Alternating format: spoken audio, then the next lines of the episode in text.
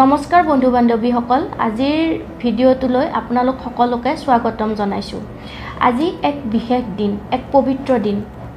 আহাৰ মাহৰ শুক্লপক্ষৰ দ্বিতীয় দিন আৰু আজিৰ দিনটোতেই ভাৰত বিখ্যাত অতি পবিত্ৰ মহাজগন্নাথ ৰথ যাত্ৰাৰ আৰম্ভণি হয়। উৰিষ্যাৰ পুৰীৰ সমুদ্ৰ পাৰত যি বিখ্যাত মন্দিৰ আছে মহাপ্ৰভু জগন্নাথৰ সেই মন্দিৰ চাৰি ধামৰ এক প্ৰসিদ্ধ ধাম। কোৱা হয় যে ভগৱান শ্ৰী বিষ্ণুই বদ্ৰীনাথত স্নান কৰি দ্বাৰকাত বস্ত্ৰ পৰিধান কৰি পুৰীত তেওঁ অন্নগ্ৰহণ কৰিছিল আৰু তাৰ পাছত ৰামেশ্বৰমত তেওঁ বিশ্ৰাম কৰিছিল।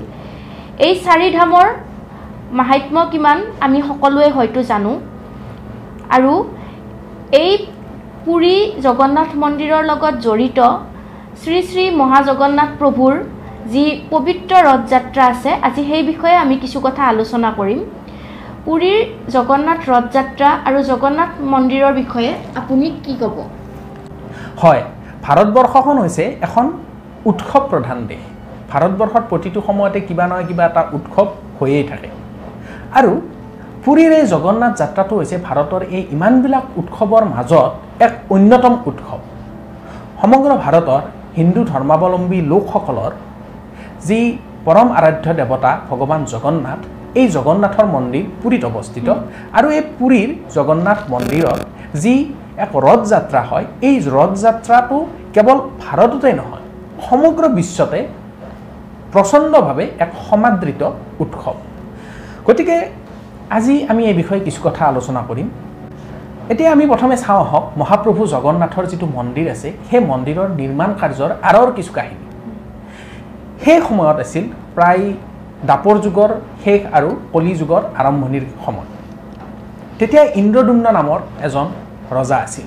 এই ৰজাজন মহাপ্ৰভু জগন্নাথ অৰ্থাৎ বিষ্ণুৰ অতি ভক্ত আছিল। তেখেতে ভগৱান বিষ্ণুৰ দৰ্শনৰ উদ্দেশ্যে নীলাচল অঞ্চলত পৰিভ্ৰমণ কৰিছিল। কিন্তু তেখেতে তাত ভগৱান বিষ্ণুৰ দৰ্শন লাভ নকৰিলে।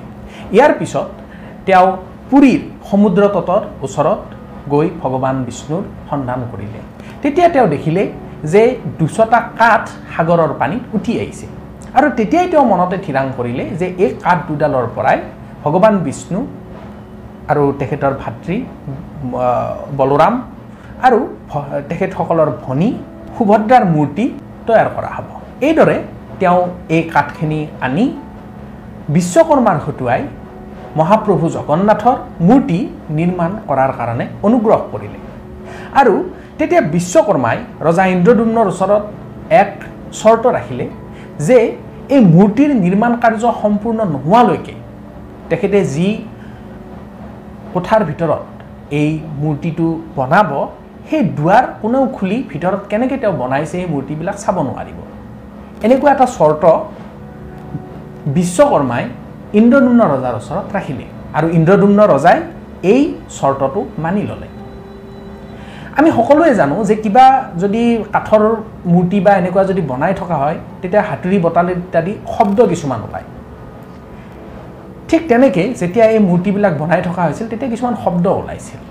আৰু ইন্দ্ৰদুম্ন ৰজাৰ পত্নী গুণ্ডিচায়ো এই শব্দবিলাক শুনি শুনি তেওঁ গম পাইছিল যে মূৰ্তিৰ নিৰ্মাণ কাৰ্য চলি আছে। কিন্তু হঠাতে এদিন এই শব্দবিলাক নোহোৱা হ'ল। তেতিয়া ইন্দ্ৰদুম্ন ৰজাৰ পত্নী গুণ্ডিচাৰ মনত কিছু সন্দেহ হ'ল যে বনাই আছে নে নাই এই মূৰ্তিবিলাক। গতিকে তেওঁ নিজৰ স্বামীক সেই দুৱাৰখন খুলি ভিতৰত নিৰ্মাণ কাৰ্য চলি আছে নে নাই চাবলৈ অনুৰোধ জনালে। কিন্তু ইন্দ্ৰদুম্ন ৰজাই যাতে প্ৰতিজ্ঞা কৰি থৈছিল গতিকে তেখেতে এই দুৱাৰখন খুলি চাবলৈ অমান্তি হ'ল। কিন্তু উপায় নাপায় নিজৰ পত্নীৰ অনুৰোধত শেষত গৈ তেওঁ দুৱাৰখন খুলি চালে।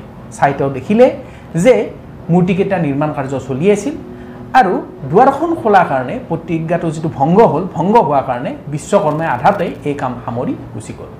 আৰু তেতিয়া ইন্দ্ৰদুম্ন ৰজাই বৰ্তমানৰ যি মন্দিৰ আছে সেই মন্দিৰৰ স্থানত এই মূৰ্তিকেইটা স্থাপন কৰিলে আৰু তাত পূজা দিহা কৰি সুন্দৰভাৱে এই মন্দিৰটো নিৰ্মাণ কৰিলে। আৰু তেতিয়াৰ পৰাই বিভিন্ন ৰজাই ইয়াৰ পিছতো এই মন্দিৰটো বনাই আজিৰ এই ৰূপ যিটো আমাৰ বৰ্তমানৰ যিটো মন্দিৰ এই মন্দিৰৰ ৰূপটো দিলে। আৰু কোৱা হয় প্ৰবাদ মতে যে যিটো জগন্নাথ মহাপ্ৰভুৰ মূৰ্তিৰ যিটো জন্মস্থান গুণ্ডিচা মাতাৰ সেই মন্দিৰটোলৈ বছৰত এবাৰকৈ ভগৱান জগন্নাথ তেখেতৰ ভাতৃ আৰু ভগ্নী সহিতে এবাৰ ভ্ৰমণ কৰে। আৰু এইটোৱেই এই ভ্ৰমণটোৱেই পুৰীৰ বিখ্যাত ৰথ যাত্ৰা বুলি কোৱা হয়। গুণ্ডিচা মাতাৰ যি ভক্তি আছিল একান্ত ভক্তি ভগৱান শ্ৰী বিষ্ণুৰ প্ৰতি সেই ভক্তিক সন্মান জনাই মহাপ্ৰভুই নিজেই তেওঁক দৰ্শন দিয়ে বছৰত এবাৰকৈ। আৰু সেয়াই কৈছে জগন্নাথৰ ৰথযাত্ৰা। আৰু এই ৰথযাত্ৰাত সুভদ্ৰা বলোৰাম আৰু মহাজগন্নাথ তিনিখন ৰথত বিৰাজমানকৈ প্ৰস্থান কৰে গুণ্ডিচা মাতাৰ মন্দিৰলৈ। হয়। এতিয়া আমি জগন্নাথ মন্দিৰটোৰ বিষয়ে অলপ চাওঁ। এই যিটো জগন্নাথ মন- মন্দিৰ আছে তাত প্ৰৱেশদ্বাৰ চাৰিখন আছে। প্ৰথম যিখন পূবৰ ফালৰ যিখন প্ৰৱেশদ্বাৰ আছে তাক সিংহদ্বাৰ বুলি কোৱা যায়। তাৰপিছত দক্ষিণৰ ফালৰ যিখন প্ৰৱেশদ্বাৰ আছে তাক বোলা হয় অশ্বদ্বাৰ। পশ্চিমৰ ফালে দ্বাৰ আছে সেইখন হ'ল অৰ্থাৎ হাতীৰ যিটো হাতীৰ দ্বাৰ। আৰু উত্তৰ ফালে যিখন দ্বাৰ আছে সেইখন হ'ল ব্যাঘ্ৰ দ্বাৰ। এনেকৈ চাৰিখন প্ৰধান প্ৰৱেশদ্বাৰ এই মন্দিৰটোত আছে। অতি তাৎপৰ্যপূৰ্ণ কথাটো হ'ল যে মন্দিৰৰ যি শিখৰ আছে তাতে অষ্টধাতুদি গঢ়িত সুদৰ্শন চক্ৰই বিৰাজমান কৰে। হয়। আৰু এই যিটো ৰথ যাত্ৰা আছে এই ৰথ যাত্ৰাটো সুদৰ্শন চক্ৰই এক গুৰুত্বপূৰ্ণ ভূমিকা পালন কৰে। এই ৰথ যাত্ৰাটোত ভগৱান জগন্নাথ তেখেতৰ ভাতৃ আৰু ভগ্নীৰ লগতে সুদৰ্শন চক্ৰটো জগন্নাথ মন্দিৰৰ পৰা গুণ্ডিচা মন্দিৰলৈ যাত্ৰা কৰে। গতিকে আমি ইয়াৰ পৰাই জানিব পাৰোঁ বা বুজিব পাৰোঁ যে এই গোটেই এই উৎসৱটোৰ লগত যিটো সুদৰ্শন চক্ৰটোৰ যি এক সম্পৰ্ক বা তাৰ কিমান মাহাত্ম আমি ইয়াৰ পৰাই অনুধাৱন কৰিব পাৰোঁ। ইয়াৰ উপৰিও এই যে ৰথ যাত্ৰা আছে এই ৰথ যাত্ৰাটোত লাখ লাখ ভক্তই অংশগ্ৰহণ কৰে। হিন্দু ধৰ্মাৱলম্বী লোকসকলে বিশ্বাস কৰে যে এই ৰথ যাত্ৰা যে ৰথকেইখন যেতিয়া এনেকৈ টানি অনা হয় সেই টানি অনা এই কাৰ্যটোত যদি অংশগ্ৰহণ কৰিব পাৰি তেতিয়াহ'লে বহুত যজ্ঞৰ ফলত যিটো পুণ্য অৰ্জন কৰিব পাৰি তাতকৈও বেছি পুণ্য যদি সেই ৰথ যিটো যাত্ৰা ইয়াত যদি অংশগ্ৰহণ কৰা হয় তাতকৈও বেছি পুণ্য ইয়াত অৰ্জন কৰিব পৰা যায় বুলি হিন্দু ধৰ্মাৱলম্বী লোকসকলে বিশ্বাস কৰে। আৰু এটা বিশ্বাস আছে যে এই ৰথযাত্ৰাত যিখিনি মানুহে যোগদান কৰে তেওঁলোকে মুখ্য প্ৰাপ্তিৰ বাবে যোগদান কৰে বুলি এটা বিশ্বাস আছে। হয় এনেকুৱা ধৰণৰ প্ৰবাদ আছে। তাৰপিছত এই যিটো ৰথ যাত্ৰা হয় এই ৰথ যাত্ৰাটোত আমি আগতেই কোৱাৰ দৰে আহাৰ মাহৰ শুক্লপক্ষৰ দ্বিতীয়া তিথিৰ দিনা এই ৰথ যাত্ৰাটো আৰম্ভ হয়।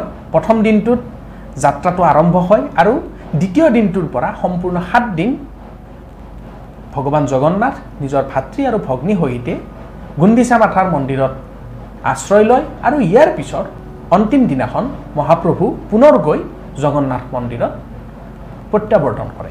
আৰু কোৱা হয় যে গুণ্ডিচা মাতাৰ মন্দিৰত তেওঁলোকে এক বিশেষ জলপান গ্ৰহণ কৰে। সেইটো হৈছে উৰিষ্যাৰ স্থানীয় জলপান ওদা পিঠা। হয় এনেকুৱা প্ৰবাদ আছে। এই মন্দিৰটোৰ লগত আৰু কিছুমান আচৰিত কথা জড়িত হৈ আছে। কোৱা হয় যে এই মন্দিৰটোত যি জগন্নাথ প্ৰভুৰ কাৰণে ভোগ তৈয়াৰ কৰা হয় সেয়া সম্পূৰ্ণভাৱে মাটিৰ পাত্ৰত বনোৱা হয়। আৰু লগতে কোৱা হয় যে মন্দিৰত যিখিনি ভোগ তৈয়াৰ কৰা হয় তাতে যিখিনি পানী ব্যৱহাৰ কৰা হয় সেয়া তাতে যমুনা আৰু গংগা নামৰ দুটা বিশেষ কুঁৱা আছে তাৰে পানীৰে সেই ভোজনটো তৈয়াৰ কৰা হয়। আৰু তাৰোপৰি ইয়াতে কোনো ধৰণৰ নহৰু এনেকুৱা বস্তুৰ ব্যৱহাৰ নহয় সম্পূৰ্ণ নিৰামিষ ভোগ ইয়াতে ব্যৱহাৰ কৰা হয়। আৰু ছাপন্নবিধ ব্যঞ্জনেৰে মহাপ্ৰভু জগন্নাথক ভোগ আগবঢ়োৱা হয় আৰু মহাপ্ৰভুক ভোগ আগবঢ়োৱাৰ পাছত ৰাইজেও গ্ৰহণ কৰাৰ লগতে বজাৰত এই ভোগ উপলব্ধ হয়। গতিকে আমি এই যিটো ৰথ যাত্ৰা ৰথ যাত্ৰাৰ বিষয়ে কিছু কথা গম পালোঁ। এতিয়া আমি ৰথ যাত্ৰাত ব্যৱহাৰ হোৱা যিটো প্ৰধান আকৰ্ষণৰ বস্তু যিটো ৰথকেইখন এই ৰথকেইখনৰ নিৰ্মাণ কাৰ্য সম্পৰ্কে কিছু কথা চাওঁ। এই যিকেইখন ৰথ হয় এই ৰথকেইখন এক নিৰ্দিষ্ট নিয়ম প্ৰথা অনুসৰি নিৰ্মাণ কৰা হয়। প্ৰথমতে যদি চাব যাওঁ এই ৰথকেইখন মানে নিৰ্মাণ কাৰ্য আঠাৱন্ন দিন আগৰ পৰাই আৰম্ভ হয়। মানে ৰথযাত্ৰা যিটো প্ৰথম দিন প্ৰথম দিনৰ পৰা আমি যদি চাওঁ আঠাৱন্ন দিন আগ আগত এই ৰথৰ নিৰ্মাণ কাৰ্য আৰম্ভ হয়। আৰু তাৰো আগৰ পৰাই এই ৰথৰ নিৰ্মাণৰ বাবে যি কাঠ লাগে প্ৰয়োজন হয় এই কাঠ যিটো সংগ্ৰহ কৰা প্ৰক্ৰিয়া এই প্ৰক্ৰিয়াটো তাতকৈও আগৰ পৰা চলে। গতিকে ক'ব গ'লে এইটো প্ৰায় তিনি চাৰি মাহ আগৰ পৰা ইয়াৰ প্ৰস্তুতি চলি থাকে।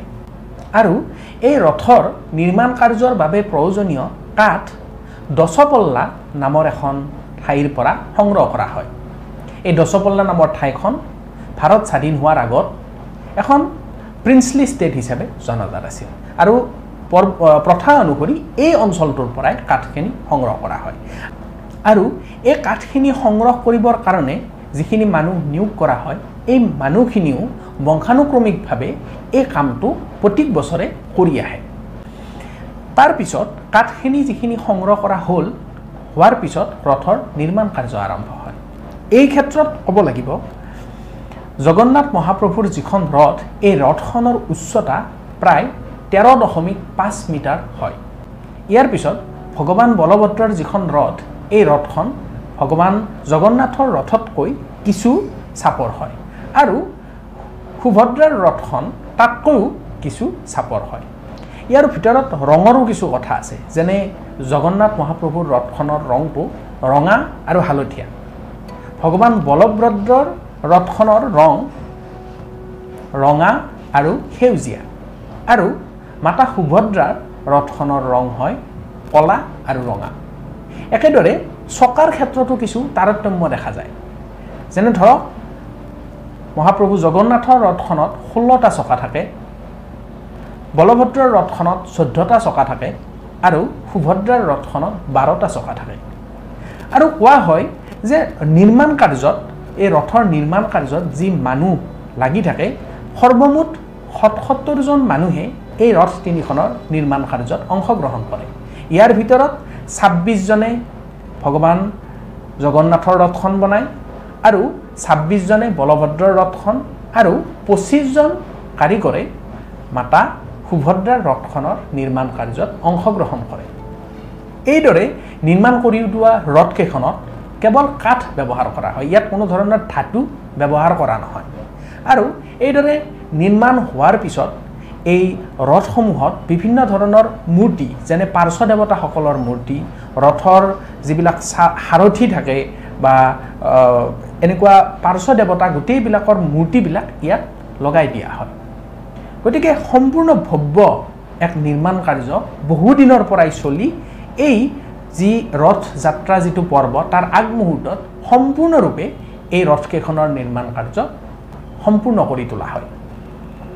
কোৱা হয় যে সুভদ্ৰাৰ ৰথত অৰ্জুনৰ মূৰ্তিও বিৰাজমান কৰে। হয় হয়। আৰু বলভদ্ৰ আৰু ভগৱান জগন্নাথৰ লগত তেওঁলোকৰ সাৰথীসকলেও বিৰাজমান কৰে। হয় হয়।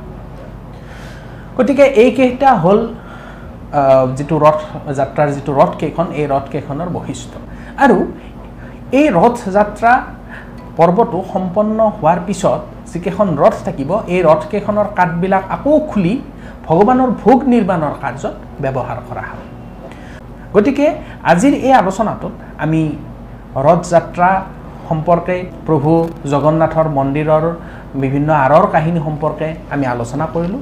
এতিয়া আমি এই পৰ্বটোৰ বা এই উৎসৱটোৰ যিটো সমাজত যিটো প্ৰভাৱ এই বিষয়ে আমি কিছু কথা আলোচনা কৰিম। এই ক্ষেত্ৰত ক'ব লাগিব ইয়াত এটা বৈশিষ্ট্য আছে। যেনে আমি জানো যে ভগৱানক দৰ্শন কৰিবৰ কাৰণে ভক্তই বহু দূৰ দূৰলৈ যাত্ৰা কৰে। কিন্তু এই ক্ষেত্ৰত কি হৈছে ভক্তক দৰ্শন দিবৰ কাৰণে ভগৱানে নিজেই মন্দিৰৰ পৰা ওলাই আহে। গতিকে এইটো এটা বৈশিষ্ট্যপূৰ্ণ কথা। ইয়াৰ উপৰিও আমি ক'ব পাৰোঁ যে কোনো ধৰণৰ জাতি ভেদ পৰিহাৰ কৰি সকলো মানুহেই ভগৱানৰ দৰ্শন লাভ কৰিব পাৰে। ইয়াত কোনো উচ্চ নিজ জাতি ভেদাভেদ একোৱেই নাই। ভগৱান বাহিৰলৈ যেতিয়া ওলাই আহে সকলো মানুহেই এই ভগৱানক দৰ্শন কৰি ধন্য হ'ব পাৰে। গতিকে এইটোৱে কি সূচায় যে গোটেই সমাজখনত যিটো একতাৰ বান্ধি ৰাখিবলৈ চেষ্টা কৰা। হয় সমানতা আনিবলৈ চেষ্টা কৰা হয়। এনেকুৱা এটা মেছেজ আমি পাব পাৰোঁ। ইয়াৰ উপৰিও আমি চাফ চিকুণতা কৰ্ম সংস্কৃতি এইবিলাকৰ বিষয়ে আমি ইয়াৰ পৰা শিক্ষা ল'ব পাৰোঁ। কাৰণ এই পৰ্বটো যেতিয়া চলি থাকে তেতিয়া ধুনীয়াকৈ ধুৱাই পখলাই মূৰ্তিবিলাক ৰথত উঠোৱা হয়। গতিকে এইটোৱে কি কৰিছে? যিটো স্বচ্ছতা ইয়াৰ ওপৰত গুৰুত্ব দিয়া হয়।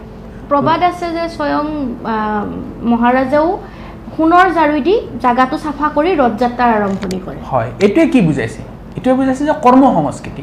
আমি সকলো মানুহে যে কাম কৰিব লাগিব ৰজা মহাৰজা হৈও নিজেই চাফ চিকুণ কৰে বা নিজে কৰ্ম কৰে। গতিকে এইটো কৰ্ম সংস্কৃতি বা চাফ চিকুণতা এই গোটেইবিলাক দিশ ইয়াত প্ৰতিফলিত হৈছে গতিকে ভগৱান প্ৰভুৱে দৰ্শন দি গোটেই মানুহকে এই শিক্ষাসমূহ দিয়া বুলিও আমি ক'ব। ক'ব পাৰোঁ।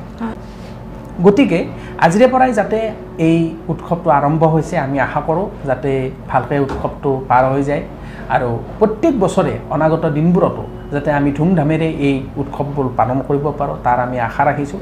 আৰু বৰ্তমানৰ যিটো ক'ভিড পৰিস্থিতি তাৰ কাৰণে হয়তো কিছু অনুষ্টুপীয়াকৈ কৰা হৈছে। কিন্তু হ'লেও আমি ক'ভিডৰ যিটো চৰকাৰী প্ৰট'কল আছে এইখিনি মানি আমি গোটেইখিনি ধৰ্মীয় নীতি ৰীতি নীতিখিনি মানি আমি কামখিনি কৰি যাব লাগে এইটোৱে আশা কৰিলোঁ। জগন্নাথ প্ৰভুৰ এই যি যাত্ৰা এয়া অকল পুৰীতেই নহয় এতিয়া ভাৰতবৰ্ষৰ বিভিন্ন নগৰ চহৰতো দেখা পোৱা যায়। আশা কৰিছোঁ জগন্নাথ প্ৰভুৰ যি আশীৰ্বাদ আমাক সকলোৱে যাতে পাওঁ সেই আশীৰ্বাদ আৰু ভালে কুশলে দিনবোৰ যায় এই ক'ভিড নাইণ্টিনৰ মহামাৰীৰ পৰা যাতে আমাক জগন্নাথ প্ৰভুৱে সোনকালে মুক্তি দিয়ে তাৰে কামনাৰে আজিৰ ভিডিঅ'টো ইমানতে সমাপ্ত কৰিছোঁ। ধন্যবাদ। ধন্যবাদ।